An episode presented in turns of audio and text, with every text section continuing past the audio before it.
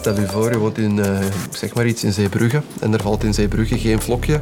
Ja, voor de Zeebruggelingen ben ik dan vandaag fout. Hoe moeilijk is het op een dag als vandaag om het weer te voorspellen? In een grote drugzaak zijn gisteren 22 mensen opgepakt, onder wie drie politieagenten. Zijn ze daardoor hun beroep ingerold? Of was er al eerder iets aan de hand? Of... Zijn ze daarom bij de politie gegaan? Ja, dat lijkt mij straf. Hoe diep zit de politie zelf verwikkeld in de drugscriminaliteit? Het bevolkingscijfer van China is voor het tweede jaar op een rij gedaald. Dat is effectief een probleem voor de economie. Wat is dan de ideale situatie dat het gelijk blijft? Je kunt toch niet eeuwig, Je kunt niet eeuwig blijven stijgen? Nee. En met hoeveel zijn we nu het best op deze wereld? Dat waren de drie vragen. Dan slee ik nu het kwartier in. Ga ik op mijn buik plat? Zou dat eerst een keer niet gewoon... Uh... Een keer eerst gewoon doen. Ja, we gaan nu duwen, hè. Ja! ik kan niet sturen! Oké.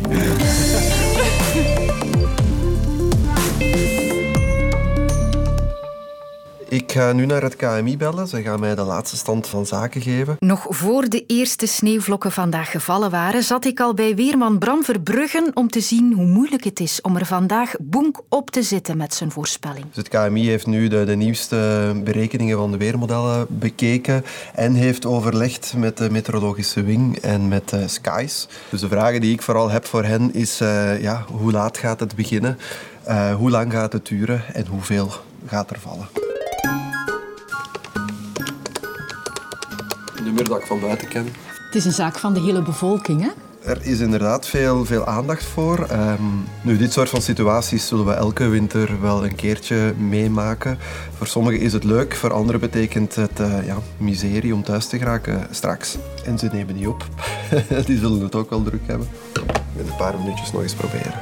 Die weermodellen waarmee ze bij het KMI uh, werken, is dat dan kiezen voor één model of zien wat die modellen gemeenschappelijk hebben? Dat is inderdaad vooral modellen met elkaar vergelijken en dan gaan voor één verhaal. Dus in dit geval zijn er bepaalde weermodellen die het volledig droog houden aan de kust. Maar er zijn er ook andere die toch een centimetertje sneeuw geven aan de kust. Wel, het is aan de weervoorspeller van het KMI om te beslissen van ja, wat gaat het uh, nu worden. En dat is dan gebaseerd op, op ervaring met die weermodellen, ervaring met het weer op zich, uh, met de kuststreek in het algemeen. Want dat is een, altijd een microklimaat natuurlijk Maar dus hij uh, hakte de knoop door en uh, die knoop die bleek uh, tot nu zeker 1 centimetertje aan, aan de kust. Die weermodellen die maken ook een herberekening om de zoveel tijd. Sommigen doen dat om de zes uur, anderen doen dat om het uur zelfs. En bij elke herberekening zijn er wel kleine afwijkingen. En kleine afwijkingen, dan heb ik het in meteorologische termen over een, een 10 tot 20 kilometer bijvoorbeeld. Naar, naar weernormen is dat een klein verschil, maar in de praktijk betekent dat dus wel uh, sneeuw in Antwerpen vandaag, ja of nee? Dat zijn de dingen waar wij mee geconfronteerd worden. En voel jij de druk om juist te zijn? Ja, toch wel. Ik zou heel graag weerman zijn in Frankrijk. In Frankrijk spreken ze over gebieden drie keer ons land. Terwijl wij uh, hier in Vlaanderen, Vlaanderen is een zakdoek groot, wij proberen voorspellingen te maken per grootstad. En onze grote steden die, die liggen 50 kilometer uit elkaar, nog niet En eens. dat is voor jou te veel gevraagd dat we dat zo specifiek willen weten? In sommige gevallen wel. Um, soms kan je effectief wel een onderscheid maken uh, tussen die grootsteden. En kan je effectief zeggen, vandaag in Brugge niet en in Antwerpen wel. Maar bij heel veel weersituaties is het echt wel moeilijk om dat onderscheid uh, te maken. Ik ga je nog even laten bellen. Hè? Ik ga nu bellen, ja, want het begint stilletjes aan nipt te worden. Hallo, met Bram hier. Hey, alles goed? Drukke dag zeker? Ja, ja, dat kan ik aannemen. Oké, okay, zo gaan. Maar daar kan wel een centimetertje vallen. Dus kunnen we even de minima voor vannacht uh, herhalen voor Vlaanderen? Dat valt dan wel mee. Want ja, want gisteren gaven ze tot min 7, dus uh, dat is oké. Okay. Dank u wel. Hè. Ja, merci. Dus nu stuurt hij mij door. Dus dit was een korte termijnvoorspeller. Die stuurt mij nu door naar de lange termijnvoorspeller. En deze gaat het nu hebben over vrijdag tot uh, dinsdag. Uh, salut Bastien. Non, ça j'ai déjà eu. Uh, ouais. Uh, zondag begint het te veranderen met de invloed van een uh, sterke straalstroom vanaf het begin van de volgende week. Het kwik begint te stijgen. Oké, okay, maar veel wind dus. Oké, okay, dankjewel Bastien. Ik filter op een of andere manier af en toe wel iets. Want zoals je gehoord hebt misschien tijdens het telefoongesprek, het, het, af en toe wordt het redelijk technisch. Het gaat over de straalstroom, het gaat over thermische dingen die ontstaan. En, en als ik die terminologie zou gebruiken, dan zou niemand mij nog begrijpen. Bij de VRT zijn jullie met drie om het weer te voorspellen, maar je hebt de indruk vandaag dat heel veel mensen het proberen of het willen doen. Stoor jij je daar soms aan? Want we krijgen heel veel voorspellingen over ons heen. Hè? Ja, dat klopt wel. Eh, ik stoor me daar vooral aan wanneer het uh, sensatiebeluste berichten zijn. En dat heeft er misschien ook wel mee te maken dat weer een, een hot item is en altijd zal blijven. Mensen liggen daar wakker van. Slaap jij even goed op zulke dagen? Um, ik heb gisteren een uurtje goed doorgefietst op mijn spinningfiets, dat ik goed moe was. Want inderdaad, dit soort van situaties, daar durf ik soms al eens een beetje slapen voor laten. Ik volg het heel graag en heel nauwgezet ook altijd op. Maar ik mag wel zeggen dat een dag als vandaag eenvoudiger is. Want vandaag is het gewoon opvolgen en hier en daar bijsturen waar ik kan. Terwijl een dag als gisteren, waarbij je het moet aankondigen, dat vind ik veel lastiger, omdat je toch altijd dat aspect van onzekerheid hebt.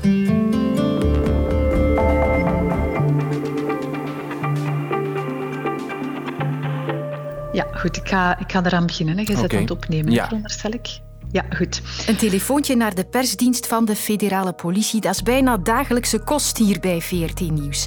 En ook van de inhoud van dit telefoongesprek kijken we nauwelijks nog op. Er zijn vandaag 22 personen opgepakt, waaronder ook drie politieagenten in een groot rustdossier. Maar meer details over eh, die verdachte zelf kan ik op dit moment niet geven. Politiemensen die zelf betrokken zijn bij drugscriminaliteit, het is helaas niet de eerste keer dat we daarover berichten. Er zijn 29 mensen opgepakt in een onderzoek naar een drugsbende. Bij de verdachten zijn ook drie agenten, een ex-agent, drie agenten, een ex-agent. Ze beschikken daarover een heel arsenaal van technieken en tactieken.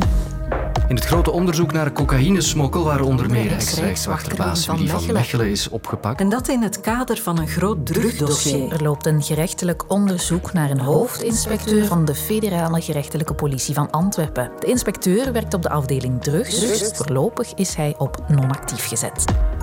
Een vroegere speurder van de Antwerpse politie is veroordeeld tot vier jaar cel, waarvan de helft met uitstel. Omdat hij informatie doorgespeeld had aan, drugscriminelen. De man verdiende er bijna 300.000 euro mee. En als ik zeg drugs, politie en corruptie, dan kom ik alles terecht bij Jelle Janssens, professor criminologie aan de Universiteit Gent. Hallo, goedemiddag. En ook hij schrikt niet echt meer van zulke berichten. Nee zit in alle verschillende geledingen van de maatschappij. Gewoon op basis van de open sources van de berichtgeving, dan zouden we kunnen zeggen dat het probleem niet heel groot is, maar het feit dat men opduikt, is het toch wel een ernstig probleem. Maar hoe is dat ernstige probleem dan ontstaan? In mijn hoofd staan de gedisciplineerde wereld van een politieagent en de loesje onderwereld van een drugscrimineel toch ver van elkaar. Wel, dat is net hetgene wat uh, niet zo heel vreemd is. Je spreekt over twee werelden. Maar eigenlijk is dat dezelfde wereld. En die opereren in diezelfde wereld. Dus de politie moet zich wel degelijk in de criminele wereld begeven. Die moet weten wie de criminelen zijn, waar ze moeten aankloppen, waar de handel zit, eh, welke goederenstromen er eh, bestaan. Dus die werken met informanten, die werken met uh, mensen die de criminele wereld genegen zijn. En dus als je daar dichtbij staat, dan zou het wel kunnen zijn dat die verlokkingen groter worden. Zeker als je zelf financiële problemen hebt of waar je voelt dat je toch achtergesteld wordt of dat je vindt dat je niet voldoende verdient of dergelijke meer. Dus er zijn verschillende redenen, maar om te zeggen dat die twee werelden van elkaar gescheiden zijn, in opdrachten wel, en de ene speelt de kat en de andere de muis, maar in feite komt men op hetzelfde terrein. En dat is natuurlijk heel nefast. Dat is altijd heel nefast. Dus eh, zowel intern als extern heeft het uh, toch wel een, eh, een, impact. Intern op de mensen met, met wie de betrokkenen hebben samengewerkt.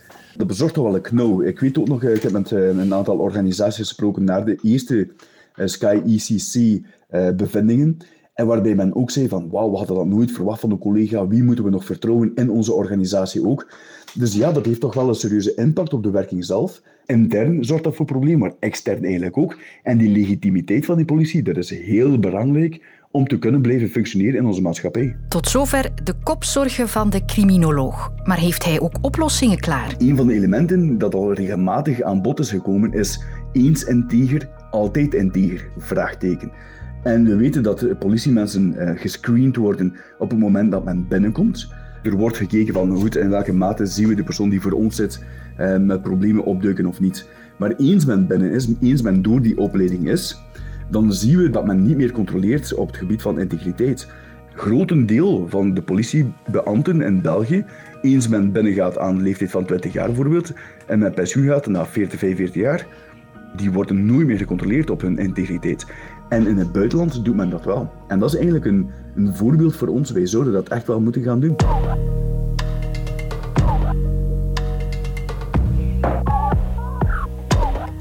...1,41 miljard mensen. Zoveel wonen er in China en dat is veel maar wel 2 miljoen minder dan vorig jaar. De Chinese bevolking daalt voor het tweede jaar op rij. Er zijn meer overlijdens, maar vooral minder geboortes. En daar zijn de Chinezen zelf niet blij mee. With a smaller number of people in the workforce, the country's economic future could be at risk. Met de op één na grootste economie ter wereld maken de Chinezen zich zorgen. Want minder mensen, dat zijn ook minder consumenten en minder werknemers. Slecht nieuws voor de Chinese economie dus. En misschien ook voor ons. Your prices of your iPhones, the prices of your cars, and many of these things are going to rise. And so the global consumer is going to feel what's happening. So what's happening in the bedrooms in China is actually affecting what's happening in the rest of the world. Ja, wat er in de Chinese slaapkamers gebeurt, heeft dus ook een effect op de rest van de wereld. En als we dan toch naar de rest van de wereld kijken, zien we daar dan dezelfde evolutie of niet? Sylvie Gadijnen kan mij daarbij helpen. Als professor demografie en sociologie aan de VUB kan ze mij een snelcursus demografische evolutie geven. Dus de wereldbevolking die heeft een atypische evolutie gevolgd. Het duurde heel lang om het eerste miljard te krijgen, tot 1800. Maar vanaf dan ging het heel veel sneller. En het ging supersnel in de jaren 1950, 1960. Want wat zagen we daar? Je had heel veel daling van de sterfte, terwijl het aantal kinderen dat geboren werd ook op hetzelfde pijl bleef. Dus je had daardoor eigenlijk door dat onevenwicht tussen sterfte en vruchtbaarheid een heel snelle groei in de jaren 50 en 60. Nu, wat is er dan gebeurd? De sterfte die daalde verder en de vruchtbaarheid, daar werden eigenlijk veel middelen ingezet om die vruchtbaarheid te doen dalen. En dat we eigenlijk op weg zijn naar een nieuw evenwicht tussen sterfte en vruchtbaarheid.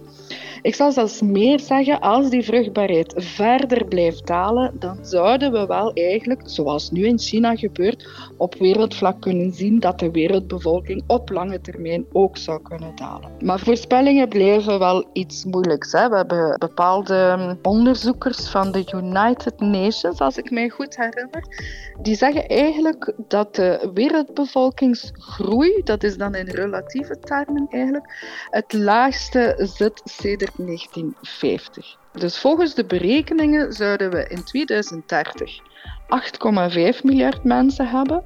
In, 2050 9,7 miljard. En vanaf dan zou de groei verder afvlakken. Men verwacht uh, eh, 10,4 miljard mensen in 2100. We blijven dus wel groeien, maar al een stuk minder snel dan een aantal decennia geleden. We zijn misschien zelfs onderweg naar een daling van de wereldbevolking. En dat kan een grote impact hebben. De gevolgen van een krimpende wereldbevolking die zijn natuurlijk velerlei. Hè, want de bevolking die heeft een impact op heel veel sectoren in de maatschappij. We kunnen uh, in de eerste plaats denken aan het milieu. Het is natuurlijk zo, hoe meer mensen je hebt, hoe groter de belasting van het milieu. Dit gezegd zijnde is er ook hoop natuurlijk, want er is een technologische vooruitgang waarbij dat we steeds meer uh, technieken gebruiken uh, die minder vervuilend zijn.